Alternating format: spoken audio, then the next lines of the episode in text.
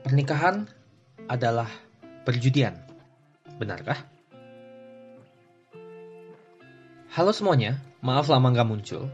Jujur, ada beberapa hal yang wajib aku lakukan, nggak banyak, sehingga aku malas melakukan beberapa banyak hal. Salah satunya podcasting ini ya. Tapi terima kasih banyak untuk kamu yang sudah bersedia menunggu dan mendengarkan podcast-podcastku. Thank you very much. Masih ngomongin soal mental korban, episode ini berkaitan dengan dua episode sebelumnya ya. Jadi, beberapa waktu lalu, aku membaca satu utasan yang viral di Twitter, di mana pembuat utasan ini menyatakan kalau pernikahan adalah perjudian. Kemudian dia juga menyatakan segala konsekuensi negatif atau kerugian yang mungkin didapatkan ketika kita memilih untuk menikah. Misalnya, soal capeknya berhubungan dengan keluarga pasangan, uh, kayak mertua atau ipar, urusan rumah tangga, uh, urusan finansial, bahkan betapa menyusahkannya kalau punya anak. Dulu juga sempat viral kalau nggak salah untuk ngurus anak itu butuh uang sekitar 3M. Anyway, kesimpulannya, kalau lu sial, lu bakal rugi banget deh. Mending gak usah milih untuk nikah, gitu kesimpulan dia.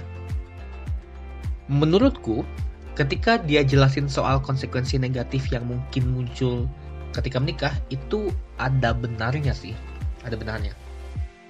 Tapi aku nggak bisa setuju ketika dia bilang pernikahan adalah perjudian.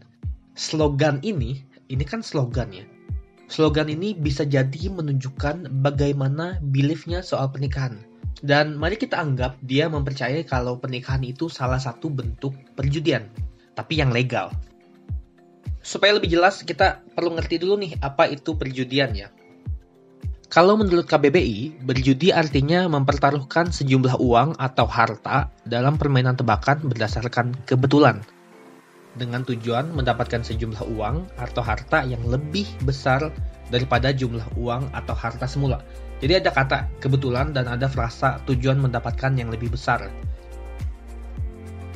Kalau aku masukkan pernikahan ke dalam definisi itu, lalu aku sedikit perjelas, kurang lebih jadi kayak gini Pernikahan adalah mempertaruhkan harta, entah uang, waktu, tenaga, ke dalam relasi di luar kendali kita, dengan harapan mendapatkan harta yang lebih besar dari yang kita pertaruhkan. Dua frasa yang perlu diperhatikan dalam pengertian ini adalah yang pertama itu mempertaruhkan, karena kan mempertaruhkan itu artinya dia memilih tek, cuman memilih untuk menikah mempertaruhkan gitu ya. Lalu frasa yang kedua relasi di luar kendali kita. Kenapa di luar kendali? Karena yaitu permainan terbahkan berdasarkan kebetulan, kebetulan atau keberuntungan gitu. Jadi kalau keberuntungan itu tuh di luar kendali. Nah, indikasinya adalah pernikahan adalah relasi di luar kendali kita berdasarkan untung-untungan. Dapat ini untung, dapat itu untung gitu ya. Implikasi berbahaya dari dua frasa ini yang pertama adalah Orang yang mempercaya ini berpikir bahwa tindakan aktif satu-satunya yang dia lakukan hanyalah memilih untuk menikah. Cuman sampai situ. Sisanya, kehidupan pernikahan, kehidupan berpasangan, dan anak ada di luar kendalinya. Itu yang pertama.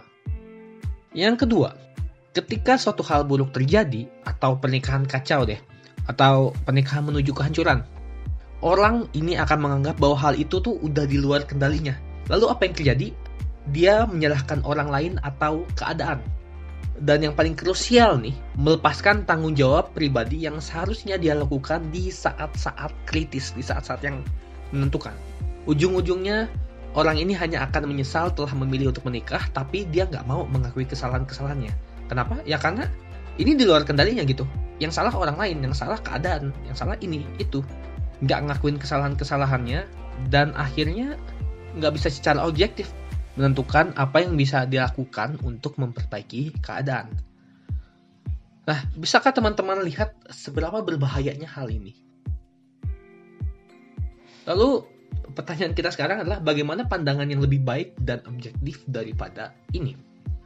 Dasarnya, kita perlu paham dulu bahwa pernikahan adalah persatuan dua insan, persatuan dua pribadi, eh, dia dan saya.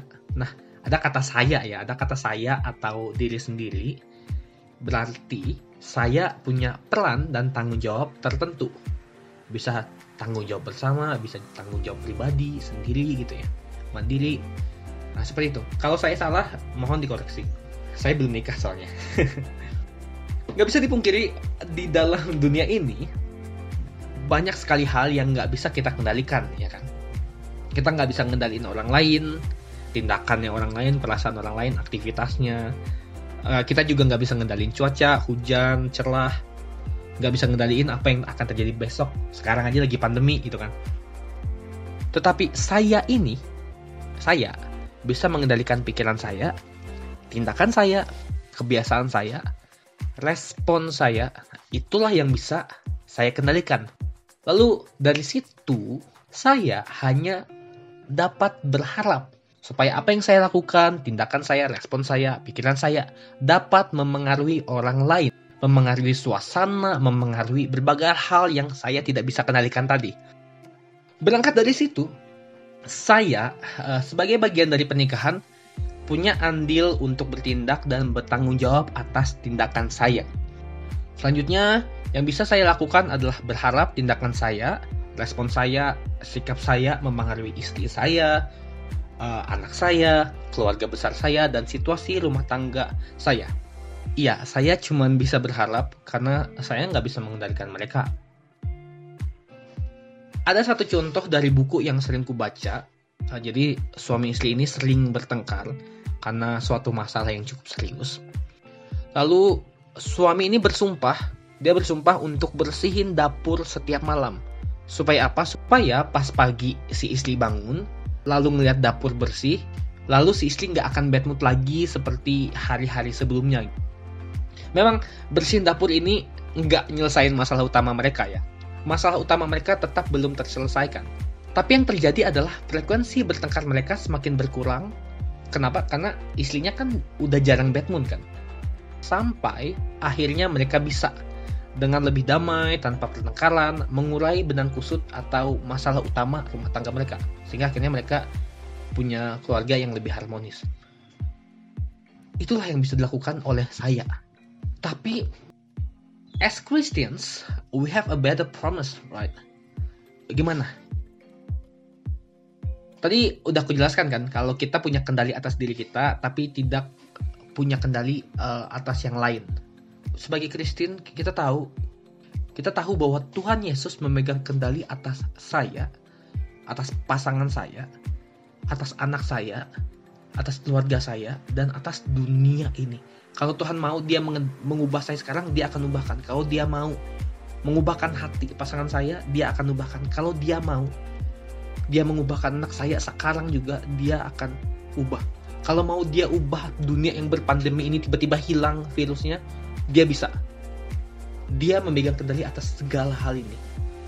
Aku juga udah pernah bahas, bahas di podcastku yang sebelumnya. Episode-episode sebelumnya, Allah yang baik di tengah dunia berpandemi jadi dia memegang kendali atas segala hal. Terlebih lagi nih, selain itu, selain dia punya pegang kendali, Tuhan Yesus juga berkenan untuk mendengarkan doa kita. Wow. Dan percayalah, Tuhan akan mengambil kendali atas situasi apa pun dalam keluarga kita. Sesuai dengan rencana kekalnya. Itu yang harus diingat bukan sesuai dengan keinginan kita tapi sesuai dengan rencana kekalnya. Jadi menurutku selain melakukan bagian saya tadi, berdoa juga menjadi salah satu tindakan yang konkret dan efektif. Terima kasih banyak sudah mendengarkan podcast ini. Kalau kamu suka, mohon bagikan supaya teman-teman lain juga bisa mendengarkan. Jika Tuhan berkenan, kita akan berjumpa lagi di podcast episode selanjutnya. Bye!